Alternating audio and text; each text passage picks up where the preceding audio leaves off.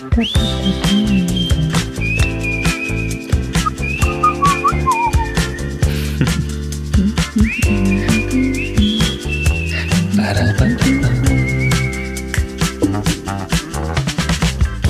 dia. Bon dia, com esteu?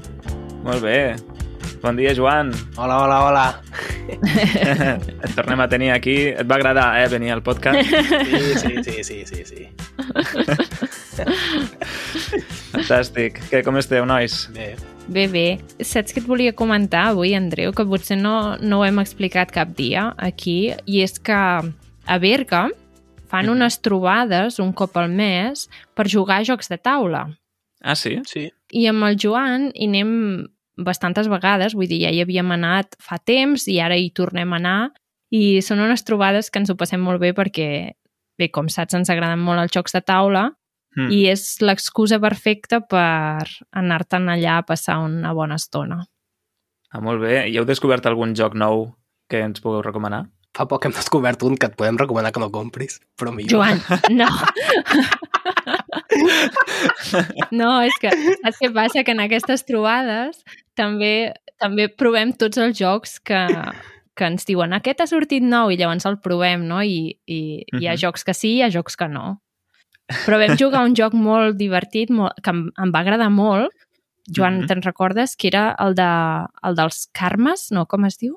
Sí, no, no recordo el nom, sóc molt desastre. Carme, em sembla que es diu. Podria ser que es digués així, sí. No, Chakra, Chakra, perdó. ah, Chakra. exacte, xacra, sí. Chakra. Xacra, sí, xacra, o xacram o alguna així, sí. Sí, Chakra. I és un, un joc molt senzill, vull dir, uh Mhm. -huh. molt fàcil d'entendre de seguida, que es pot jugar dos jugadors o més i, i em va agradar molt i vaig pensar, doncs potser me'l compraré i tot, perquè és un joc molt, molt divertit i molt, molt guai.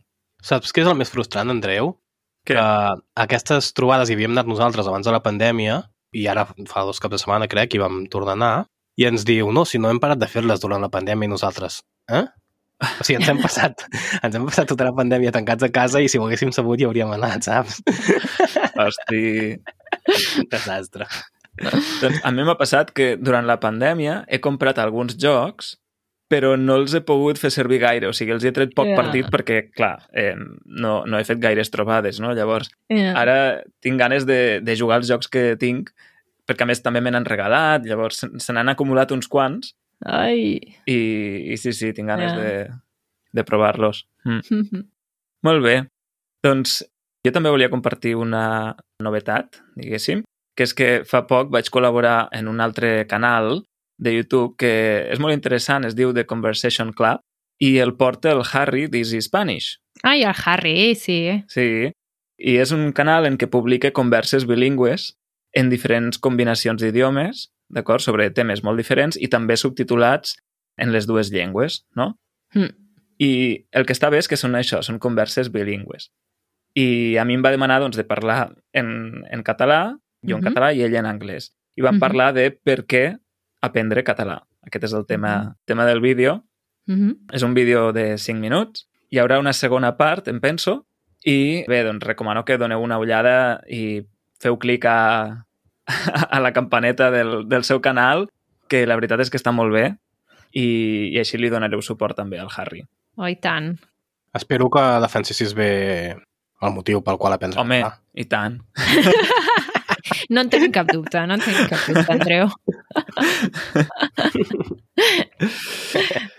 I bé, i una altra cosa que podem comentar avui és un comentari que vam rebre de, del Javi a Instagram, Ah, sí. que bé, ens diu això, diu Hola, estava mirant el vostre perfil i molt bona feinada, m'han fet venir ganes d'explicar-vos que jo sóc de Múrcia, viatjava a Barcelona des que era ben petit, tots els anys, i després de tornar d'un dels viatges amb 16 anys em va agafar un interès molt fort pel català. Diu, perquè bé, allò que ens n'havien explicat a l'escola fa venir una mica a riure. I diu, vaig començar a buscar-ne informació i me'n vaig enamorar del català. Per l'impuls de voler millorar-lo i poder viure plenament en català i dins de les possibilitats, me'n vaig anar a viure a Barcelona i vaig conèixer molta gent d'arreu de l'estat que també n'estava enamorada i fins i tot gent que estudiaven filologia catalana, entre ells andalusos, murcians... Diu, hi ha molta gent d'arreu de l'estat i del món enamorada del català. una abraçada. és genial, no? Sí, Aquests comentaris sempre tenim Sí, un moment, eh? sí, quan sí. arriben. Sí, la veritat és que suposo que, que fins i tot la persona que ens escriu està molt contenta de poder-nos explicar aquesta experiència, però quan nosaltres el rebem és com Andreu, mira quin comentari! sí, sí, sí. És que significa molt per a nosaltres que ens expliqueu la vostra experiència no? amb, el, amb el català i Mhm. sigueu d'on sigueu. Vull dir, si sou de l'altra punta de l'Atlàntic, genial, però si sou d'aquí al costat o fins i tot si viviu a Barcelona mateix, també. Ens encanta saber com heu après el català, per quins motius, no? I, i tot això. Per tant, no, no us talleu. En... Escriviu-nos sempre que vulgueu. Us recordem que, a part de- d'Instagram, doncs ho podeu fer per Facebook, ho podeu fer per Twitter i també pel canal de Telegram. Sempre que ens arriba un missatge d'aquests, hem de respondre i sempre li dic, Sílvia, respon tu, que si no em renyes, perquè jo sóc molt sec i dic, moltes gràcies, ànim, sembla una llengua. I saps, així molt breu, i ella vol respondre bé, saps, ser simpàtica. És que fa il·lusió, no sé. També l'altra persona vol rebre un, una resposta que també sigui adequada, no? Mhm. I, i crec Clar, que està bé. Molt bé. Tema del dia. Doncs un altre missatge que vam rebre per Instagram és una proposta de l'Andrés que ens diu que parlem de les nostres llibreries preferides. Ai, per favor, sí. Com no se'ns havia acudit, Andreu? Doncs sí, i mira, avui que tenim el Joan aquí, doncs també perfecte, perquè a tots tres ens agrada anar de llibreries de tant en tant. No de tant en tant, sinó cada cop que sortim de casa. Andreu, aquest matí he comptat quants llibres tinc a la tauleta de la nit per llegir. Sílvia, tranquil·litza't. tinc una muntanya de set llibres i només n'he començat un i en segueixo acumulant. Doncs mira, jo ahir vaig fer neteja i vaig endreçar també les tauletes de nit i de, de la meva en vaig treure, no, els- no els vaig comptar, però eren entre 5 i, entre 5 i 6, més o menys també, que estaven per començar i vaig deixar-hi només els que tinc començats, que són un parell. És que és molt curiós això, no? Perquè potser tenim llibres a casa que encara hem de llegir, no? que els hem comprat i hem pensat, ai, doncs aquest pot Mm. mm. estar bé. I, I tot i això, entres a una llibreria, sigui d'on sigui, i t'acabes enamorant d'algun llibre, el compres i cap allà, no? Sí, sí. Sí, som consumistes de llibres eh, en aquest canal. Sí. Va, doncs som-hi. A veure, quines són les vostres llibreries preferides? Qui comença? Jo començo jo. Vinga, Sílvia. La veritat és que tenim les llibreries com preferides dels llocs on normalment anem. Vull dir, Mhm. si anem, per exemple, a l'Empordà, doncs tenim una sèrie de llibreries que són, per exemple, la llibreria Puput de la Bisbal d'Empordà, que és preciosa, que ja n'havia parlat algun altre dia. Uh -huh. És una llibreria molt petitona que té molts pocs llibres perquè la llibreria és molt petita, però és que sempre que hi anem acabem comprant un llibre perquè la selecció que tenen eh, s'adequa molt amb, amb els llibres que a nosaltres ens agraden i si jo no trobo un llibre que m'agrada, el troba el Joan. I per tant és una llibreria que sempre que anem allà sempre hi anem. Uh -huh. I penso que, tot i que la llibreria sigui petita, pots trobar coses que, que t'agradin i, i que et sorprenguin molt. Clar, i fins i tot, encara que, no, que per exemple, un dia no tinguin el que busques, el llibre que, que estàs buscant, pots demanar-li al teu llibreter o llibretera que l'encarregui Sí, això i també. passar-lo a buscar doncs, Sí. al cap d'uns dies. Mm. Mhm. Això no ho fem gaire quan sortim, o sigui, si anem, per exemple, a l'Empordà o a Barcelona o a Girona, sinó que ho fem més amb les llibreries que tenim més a prop de casa, perquè si l'has d'encarregar, llavors sí que hi has de tornar un altre dia i potser a les altres llibreries no hi anem cada setmana. Clar. Publicitat. Doncs com ja sabeu, aquest episodi del podcast del patrocina iTalki i iTalki és un web on podeu trobar professors i tutors per aprendre llengües.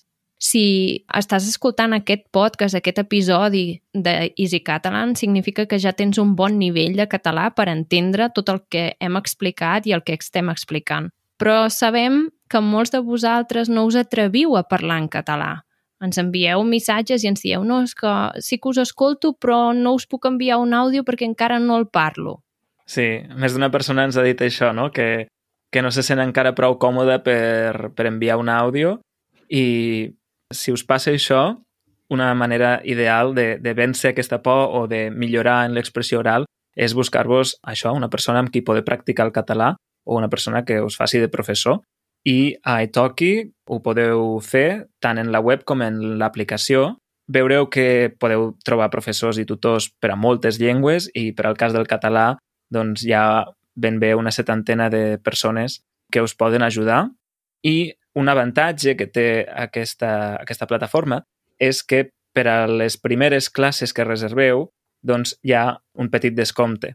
Exacte, o sigui, proveu, feu alguna classe de prova amb el professor, professora, tutor o tutora que us sembli que s'adequa més amb les vostres preferències i intenteu. Comenceu a parlar en català perquè jo crec que al principi el que s'ha de vèncer és aquesta vergonya que us fa intentar-ho. Sí, a més a més té una, una part una mica addictiva, no? Perquè moltes vegades acabes una classe, una sessió de conversa a iTalki i estàs encara més motivat no? I, i ja tens ganes de, de fer-ne una segona, no? De fer la següent. Exacte, sí, sí. Mm -hmm.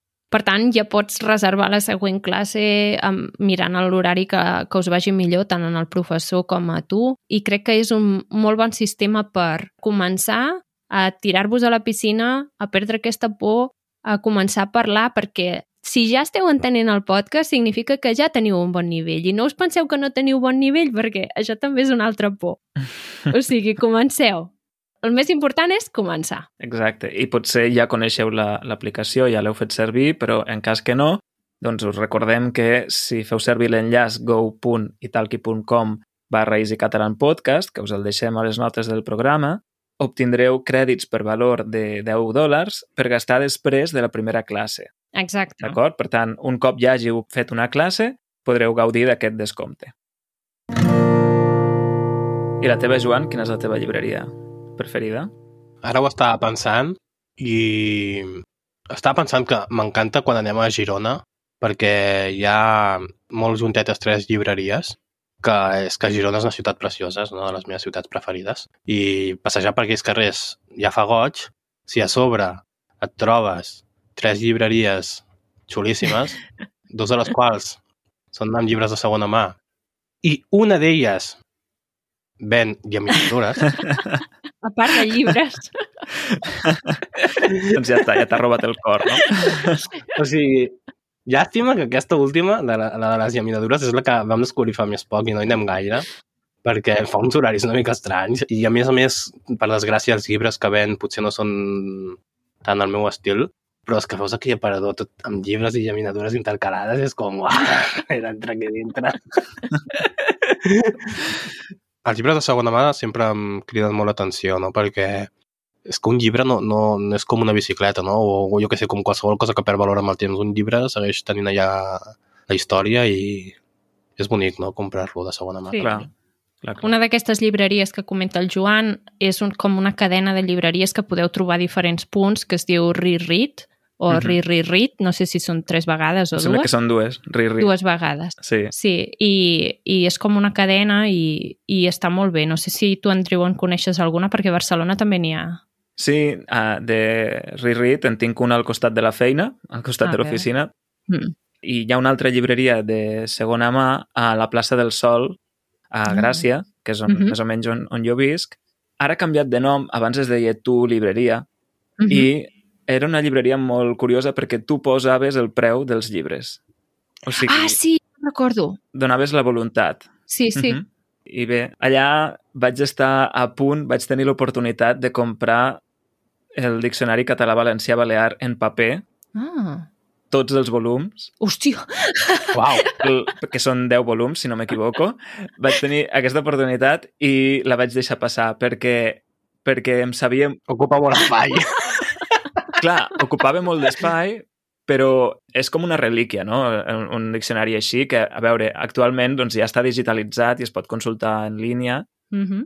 però, clar, sempre fa gràcia tenir-lo en paper, no? El que passa que em sabia greu donar massa poc pel, pel que realment era. O sigui, podria haver-lo comprat, jo que sé, per 50 euros, tot plegat, yeah. però allò yeah. val molt més, no? I no sé, al final no ho vaig comprar. Però sí, també m'agraden molt les llibreries, doncs això, de segona mà, i a part d'això, jo sempre intento anar a les llibreries de barri, no? O sigui, Mm. Sí. fujo de les, de les grans cadenes de, de llibres, no diré noms, però la típica llibreria Comercial, no? comercial que, que Mhm. efectivament pots trobar-hi de tot i més. Mm -hmm. però d'entrada ja has d'anar una mica més lluny, Sí. perquè, perquè bé, aquí al, al barri, per exemple, a Gràcia, hi ha moltes llibreries. És que a Gràcia tens una sort Clar. perquè fa goig Hi també. ha moltes llibreries de barri, no? Sense anar més Mm. lluny. Ah, és que a 20, 20 passes de casa en tinc una molt petita que es diu Capicua, Mm. que a més tenen molta literatura en català, tenen moltes novetats en català i sempre trobo el que busco, sempre. Mm. I mira que és petita.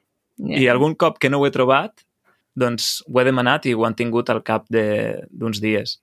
Clar. O sigui que, sí, sí, Cap i Cua és, és la meva llibreria de referència. A més, és molt entranyable perquè la porta un, un senyor gran que sempre està allà llegint i és com, Ah, és com un avi que està allà en, en, el, en el seu espai de tranquil·litat, no? en la seva petita Sí. llibreria. I és com, no sé, molt entranyable. I després, una altra llibreria del barri que m'agrada molt es diu Taifa, Uh -huh. es troba al carrer Verdi i és interessant perquè té una part de llibres de segona mà i una altra de llibres nous. Mm. Per tant, és un, és una, és un mixt, no? una barreja Yeah. entre els dos models de llibreria.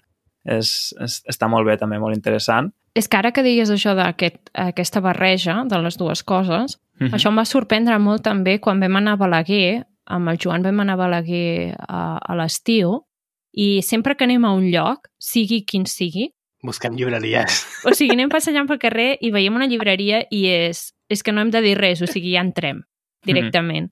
I vam entrar a una llibreria Mhm. que ara no me'n recordo com, e, com es diu, però a la façana, a l'aparador de la llibreria, eren tot llibres de segona mà barrejats també amb llibres actuals. Aquella llibreria el porta també un senyor i és, és curiós perquè a cada llibreria s'organitza de forma diferent també. No? Mm. I no... Això em posa nerviós a mi. Ah, sí? Per què? Perquè entres a una llibreria i dius perdoni, quin és l'ordre que tinc aquí? Perquè no s'entén res.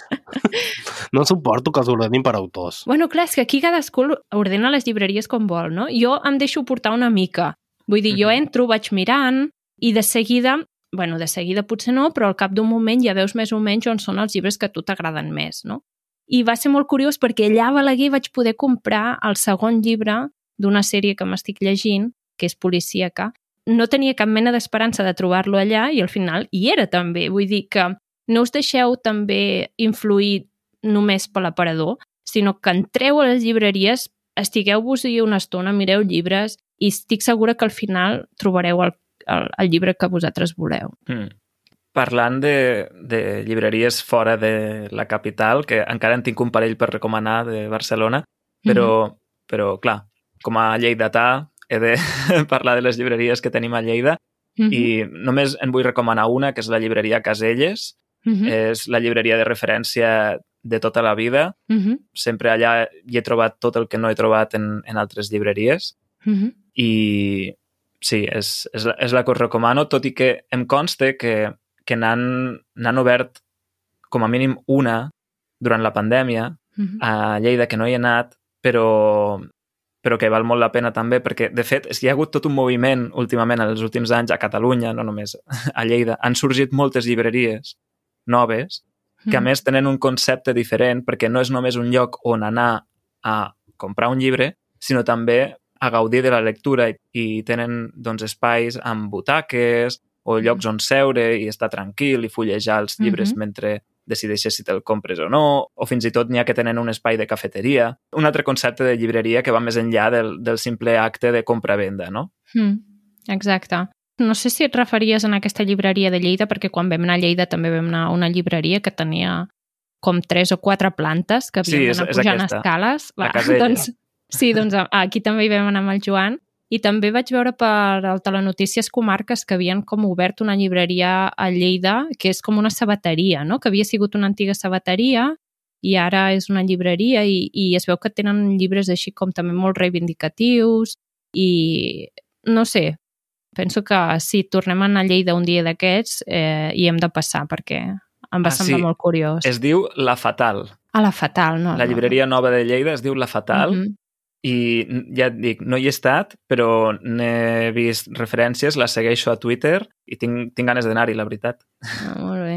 Saps quina llibreria m'estic recordant ara, Digues. Sílvia? És que és una anècdota molt divertida. Aquella que vam descobrir a Ai, Tàrrega. sí, a Tàrrega. Ja? Doncs saps què? Vaig parlar amb una noia de Tàrrega al cap d'uns anys, perquè a Tàrrega ja fa molts anys que no, no hi hem anat, però quan hi vam anar també vam trobar una, una llibreria, i li vaig preguntar que encara està oberta i em va dir no, ja la van tancar. Mm, quina llàstima. Ja. Era una llibreria molt bonica. Sí, I puc explicar l'anècdota o, o, o és inapropiada? és inapropiada.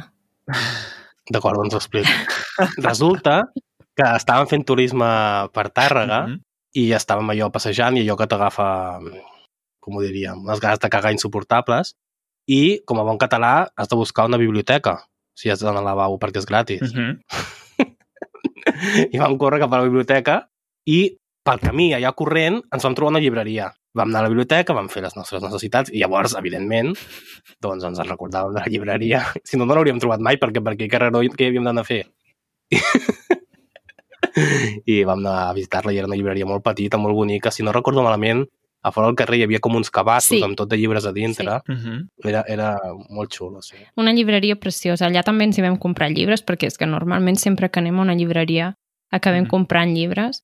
I ara que ha dit el Joan això de la biblioteca, jo fa dies que penso que he de tornar a anar a les biblioteques. O sigui, ara Mm. he sigut sempre usuària de biblioteca, de bibliobús, he anat a buscar molts llibres i he llegit molts llibres de la biblioteca i ara no sé per què en, el, en, en els últims temps no hi he anat. I, Mhm. i he de, he de tornar-hi a anar perquè comprar llibres està molt bé però penso que també també s'ha de fer ús de les biblioteques i d'aquest servei tan bo que, que tenim. Clar, que moltes vegades no hi pensem, però tenim un catàleg a, a les llibreries públiques immens, que també és, és un catàleg unificat, que si, que si tu vols un llibre que, però no el tens a la teva llibreria, però resulta que hi és a la llibreria a la biblioteca pública del poble del costat, és que te'l pots fer portar. Sí, sí, sí. I ara, a més a més, tenen també tot un servei de, de llibres digitals. Vull dir que sí, també pots Mm. mm. llogar llibres digitals a la biblioteca. Uh -huh. Ah, amb, per internet? Sí, sí, sí. Ah, veus? Sí, sí. I audiollibres en tenen? Crec que també. Mm. Jo me'n recordo que ara, ara amb, els- amb això de Netflix i Spotify i aquestes coses ja no es fa servir, però en la seva època també hi havia pel·lícules, DVDs, CDs de música, Mm. i hi havia molta gent que anava a buscar Sí, música. sí. Mm. I revistes. Jo, jo he anat a buscar moltes revistes de manualitats i coses així. També. Mm. Doncs, si us sembla, parlem d'algunes llibreries de Barcelona, ja que potser molta gent que, que ve de visita a Catalunya passa per, primer per Barcelona Mm -hmm. i, vaja, que al cap i a la fi, doncs aquí hi ha una concentració de llibreries molt alta. M'agradaria destacar uh, la llibreria Ona, mm. que és una llibreria que ja té molts anys i, de fet, n'hi ha més d'una, perquè n'hi ha una al barri de Gràcia, però fa poc en van obrir una altra, i ara vam comentar, a l'Eixample, i és una llibreria on només venen llibres en català. Per tant, això pot interessar molt a tots vosaltres, no? els que ens escolteu, que, que voleu comprar llibres, coses en català, doncs en aquesta llibreria hi podeu trobar de tot. O sigui, tot tipus de literatura en català i, a més a més, és una llibreria molt moderna, mm, estèticament, el disseny, la, la, els espais, és molt bonica, molt atractiva, val la pena visitar-la. També té doncs, un espai de lectura Mm -hmm. i és on fan també presentacions de llibres, fan debats, graven fins i tot un podcast allà sobre literatura Mm -hmm. i, per tant, és, és una llibreria molt recomanable per a tothom que vulgui material de lectura en català, no? Fa molt poc vaig comprar un llibre en aquesta Mhm. llibreria per internet, perquè no l'he visitada mai. Doncs, no sé si... Bueno, sí que ho saps, m'imagino que fa poc van treure una pel·lícula que es diu Dune, Sí, als sí. cinemes, i està basada en un llibre clàssic, em sembla, de, de fa 40 anys, i uh, fa molt temps ja el van, el van com editar en català, que en català es diu Duna, mm. no Dune, i ara, fruit de la pel·lícula, Ona va fer una reedició d'aquest llibre en català i el vaig comprar per internet quan vaig veure que l'havien publicat. Perquè és una pel·lícula de ciència-ficció, és un gènere que m'agrada Mm. mm. molt, la pel·lícula no em va agradar gens, No. i vaig pensar, no, vaig pensar, si a la gent li agrada tant, deu ser que el llibre deu ser boníssim. Saps la típica pel·lícula que com que no has llegit el llibre potser no l'acabes d'entendre, però tota la gent, saps? No sé, vaig pensar, aquesta pel·li deu tenir un llibre molt bo darrere i no, per això no l'he pillat. Ah, doncs a mi em va agradar molt. Però vaig, A mi em va semblar com si diguéssim una introducció Mhm. -huh. a alguna cosa que potser estaria bé, però que només amb la introducció em faltava moltíssima teca. Clar, sí, això sí. O sigui, el llibre, el llibre hi ha molta més, molta més història, òbviament, com sempre, no? Bé, i volia recomanar dos, dos llibreries més de Barcelona i ja acabo. Una és la llibreria Alibri, que es troba Home. al carrer Balmes, i està molt bé perquè tenen una secció de llibres en altres llengües, i no només en altres llengües, sinó també de llibres per aprendre llengües. Sí. En tenen moltíssims. Que la Libri és la llibreria que trobes al costat de la Facultat de Filologia i Mhm. com que només hi ha una Facultat de Filologia a Barcelona, doncs ja s'han posat estratègicament allà.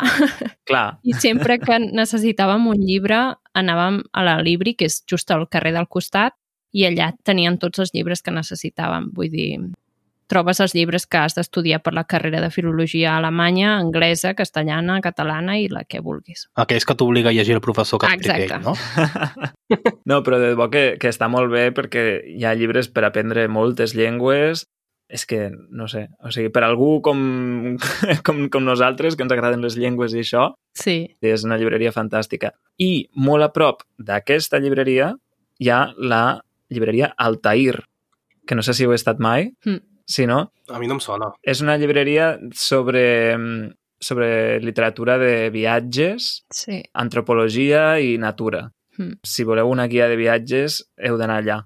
Heu d'anar a, la, a la llibreria Altair. I no només hi ha llibres, sinó que també hi ha, diguem, diferents utensilis o coses que, que poden anar bé a, a un viatger, no? Eh, vull dir, per exemple, hi ha mapes, Mm. mapes de, de tot el món, no sé, molta varietat. I doncs també té el seu espai de cafeteria en el pis de sota i és, és molt interessant i molt bonica també, molt recomanable. Altair. Em sembla molt curiós que un model de negoci d'una llibreria basada en guies de viatges i coses així funcioni. Perquè jo no sabia que existia, ni, vull dir, no la coneixia Mhm. aquesta, eh? I sé que a Vic n'hi ha una Mhm. Mm. que també és de guies de viatge i, i penso, i amb això la gent es guanya la vida? Ara que internet està ple de videoblogs de gent que fa viatges, de youtubers viatgers, mm. saps? És com sorprenent que puguin funcionar aquests models de negocis, eh? Mm. Jo crec que les guies de viatge, tot i això, la gent que hi està acostumada igualment se les continua comprant, no?, si ha de fer un viatge, perquè saps que allà trobaràs les recomanacions correctes, vull dir, actualitzades i correctes. Mm. No sé.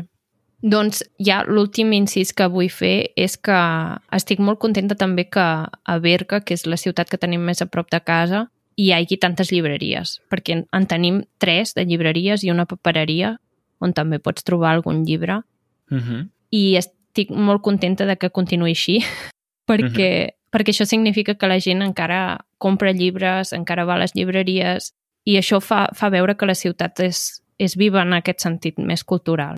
A vegades, quan comprem tants llibres, penso, és que quan anem a una llibreria que veiem que és petitona o alguna és com que nosaltres som mecenes d'aquestes Sí. llibreries, Sí. no? Ens veiem amb l'obligació de comprar alguna coseta per dir, va, la meva contribució que segueixi Sí. oberta, perquè a vegades tenim por que desaparegui. Clar, sí, sí, totalment. És una manera de donar suport al petit comerç, no? Mm, sí. i que a més mirar en una llibreria té un valor afegit respecte de comprar per exemple doncs, a Amazon o, o on sigui, no? que és que primer tens allà una persona al teu servei que et pot fer recomanacions Mm, segons els teus gustos sí. que, vaja, i té una cosa que és el, el, el plaer de remirar llibres, no? de, de mirar i rebuscar per les estanteries, Mm. per les prestatgeries d'una llibreria, que això no és el mateix que mirar un catàleg en línia, no té res a veure, no? sí. Me'n recordo ara quan que has dit això, del el segon vídeo que vam fer de la Setmana del Llibre en català, va haver aquell home que ens va dir a mi m'agrada olorar els llibres. Sí. sí. I vaig pensar, és veritat que tenen olor als Sí. llibres, no? Però ell, ell fins i tot diferenciava entre l'olor de les diferents tintes. Vaig pensar, Sí, sí, sí. Doncs sí. I a més que, sobretot això, no? que en els últims anys hi ha hagut una explosió de noves llibreries, que és curiós perquè durant la pandèmia n'han tancat algunes, Mm com, -hmm. com han tancat restaurants, bars i, i altres negocis, no? però, però també han obert noves llibreries. I, per exemple, a Barcelona, a part de Ona Llibres, ha obert la Byron, hi ha la llibreria Finestres, també la Fahrenheit 451, no sé, n'hi ha moltes, la Terra Nova, la Insòlita... N'hi ha moltíssimes que, que tenen aquests, aquestes noves maneres de, d'entendre una, una llibreria, no? Mm. Que val la pena passar-hi. I no hem parlat, Joan, de- d'aquella llibreria que t'agrada a tu del Triangle Friki de Barcelona. Ah, Gigamesh, collons, és veritat. Llàstima que hi he anat molts pocs cops, però sigui, a mi m'encanta la literatura així més de ciència-ficció, èpica, fantasia, i allà és el, és el paradís, o sigui, una llibreria basada en els gèneres que t'agraden, què més pots demanar, Clar. no? És com, com un viatger en una llibreria d'aquestes, guies de viatges. doncs sí, sí, sí, brutal. Mm. On es troba aquesta llibreria? Sí, allà molt a prop d'Arc de Triomf, en un carrer paral·lel al passeig aquell, no sé com es diu el passeig. Lluís Companys. És, és molt a prop, molt a prop d'Arc de Triomf. Mm Mm -hmm. Busqueu-ho al Google. Gigamesh. Sí, A les notes del programa. exacte. Sí, sí, és una gran llibreria, la veritat. O sigui, abans quan m'he queixat de l'organització de les llibreries mm -hmm. És perquè a mi m'agrada molt que estiguin ordenades per temàtiques. Mm. mhm. Perquè jo ja vaig directament a la temàtica que m'agrada. I si està tot difuminat és com que ara m'he de mirar tots aquests llibres que no m'interessen per trobar... Que a vegades després és bo, no? Perquè trobes un llibre que potser no te l'hauries mirat mai i dius, ai, mira, que curiós. Però el, el, el que em molesta és que m'agrada sempre anar directe a el que a mi m'agrada. I si no, em costa. Tot i que aquestes llibreries molt petites no tenen prou espai a vegades per diferenciar-ho d'aquesta manera i, i aleshores per això pregunto, com està ordenat això? Mm. Ah, i per cert, ara acabo de recordar que en aquesta llibreria, la Gigamesh, no només tenen llibres de doncs, ciència-ficció i fantasia, sinó tam també tenen molts jocs de taula, que Sí. abans en parlàvem. Moltíssim. Moltíssims. Moltíssim. Sí. I també editen, eh? M'encanta aquest format de... O sigui, llibreries que tenen tant potencial com per poder editar llibres. Mm. És brutal. Llàstima, el que jo sempre trobo a faltar amb la literatura de fantasia que comentava ara és que no editen en català. Per això quan vaig veure que Dune l'havien editat en català el vaig comprar sense saber ni de què era el llibre, Mhm. una mica també per militància. Perquè sempre ho penso, un dia, si tinc calés, em posaré a editar llibres en... Els meus llibres preferits en català, perquè jo els llegeixo tots en castellà, per desgràcia. Mm. Sí, doncs sí, sí. S'ha de fer també donar suport a la literatura en català, sigui originàriament en català o traduïda. Sí, Mm. sí, sí. Exacte. Les vostres preguntes. Doncs una de les seccions noves que estrenem en aquesta segona temporada, diguem, del podcast és la de les vostres preguntes, perquè segur que molts de vosaltres teniu preguntes relacionades amb el català o relacionades amb potser nosaltres o l'equip o, o Catalunya, els països catalans, doncs ens podeu dirigir qualsevol pregunta i les intentarem respondre en aquest espai. I en el cas eh, d'avui tenim una consulta del Diego que ens va enviar a través de Telegram i ens pregunta, per un costat, com es diu cuyo cuya en català? El Diego és de Xile, no? I el cuyo cuya és, el, és un pronom relatiu.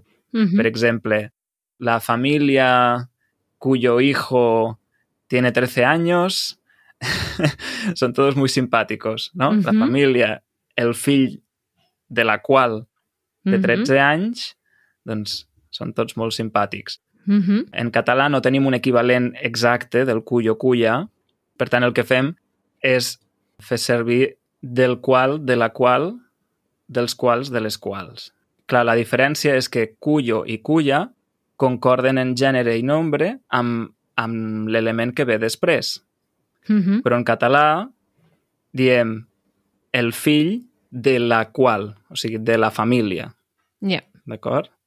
O sigui, en castellà es diu la família cuyo hijo, cuyo masculí perquè va amb hijo, i en català diem la família, el fill de la qual. D'acord? Per tant, aquesta és la manera que tenim. També és veritat que no és, la, no és una estructura molt habitual en la llengua oral No, no, no gaire. i, per tant, potser el més habitual seria dir la família que té un fill de 13 anys, per Mm. exemple, O el fill de la família, no? O el, el fill, de, té 13 anys de la família. A veure, Mhm. perquè potser aquesta frase és una mica forçada, Sí. però és això, els relatius potser són més en un context formal. No? Sí. Sí. Per tant, bé, doncs això, no? En català ho fem així. I l'altra pregunta és si nosaltres pronunciem la J castellana, és a dir, la Sí, J. La J. quan, quan dius Jaén, no? Potser? Sí, Quan et refereixes a alguna paraula que ja és castellana en si i que no, no té traducció en català i llavors la dius en castellà directament, no? Exacte. O sigui, En català no existeix. exacte, aquest so no és propi del català, no, no existeix, però òbviament el, el sabem fer i el, el podem fer quan ens referim, doncs, com ha dit la Sílvia, a Jaén o a altres topònims o, jo que sé, al Juan. Clar. Mm, Clar. No? Noms de persona que tenen la J, Mm. Jesús, Sí. doncs sí, la, la pronunciem. I també, potser per influència del castellà, el que nosaltres tenim és la, el so de la H aspirada, també per estrangerismes, no? com ara Hollywood o Ah. hippie, Hamlet. Hamlet. Tenim aquest so que a vegades, per influència del castellà, potser la fem més H que, que H, no? Ah, potser sí. I diem Hollywood, Hamlet. Això sí que Sí, a vegades pot passar. Sí. Bé, doncs això, si teniu preguntes com la del Diego o qualsevol pregunta que ens vulgueu fer, la respondrem en aquesta nova secció de les vostres preguntes. L'abraçada de la Sílvia.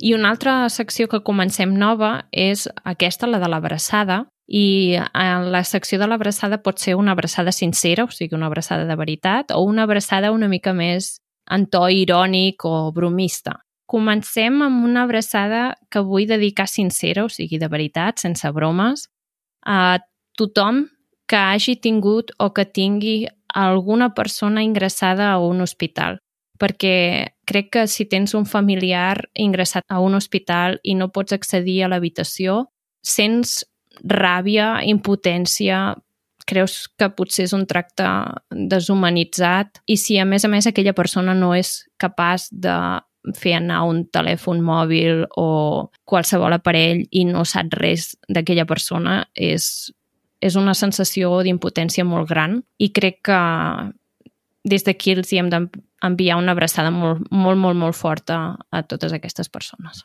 Doncs sí, tota, tota la raó. Segur que, vaja, que no ha de ser gens fàcil trobar-se en aquesta situació. Per tant, una abraçada també de part meva. Una abraçada. Val, doncs, arribats aquí, hem parlat de les nostres llibreries preferides. Segur que ens n'hem deixat moltíssimes, perquè és que n'hi ha moltes que valen la pena, però a mi m'agradaria remarcar, sobretot, que val la pena conèixer les llibreries de barri, les llibreries de poble, les, les petites, per davant de les, de les grans cadenes, no? Que aquestes ja funcionen i no tenen problemes per continuar endavant i a les petites cal donar-los suport i, mm. i conèixer-les perquè tenen també més personalitat i, vaja, és una experiència diferent. Exacte. I sobretot, si algú que ens escolta té alguna llibreria allò que no hem dit i que per ell és una llibreria preciosa de referència, que ens la recomani, que la visitarem. Exacte. Deixeu-nos en els comentaris o escriviu-nos per explicar-nos quina és la vostra llibreria preferida i amb això acabem l'episodi d'avui. Que vagi molt bé. Que vagi bé. Apa. Vinga. Adéu. Adéu, adéu.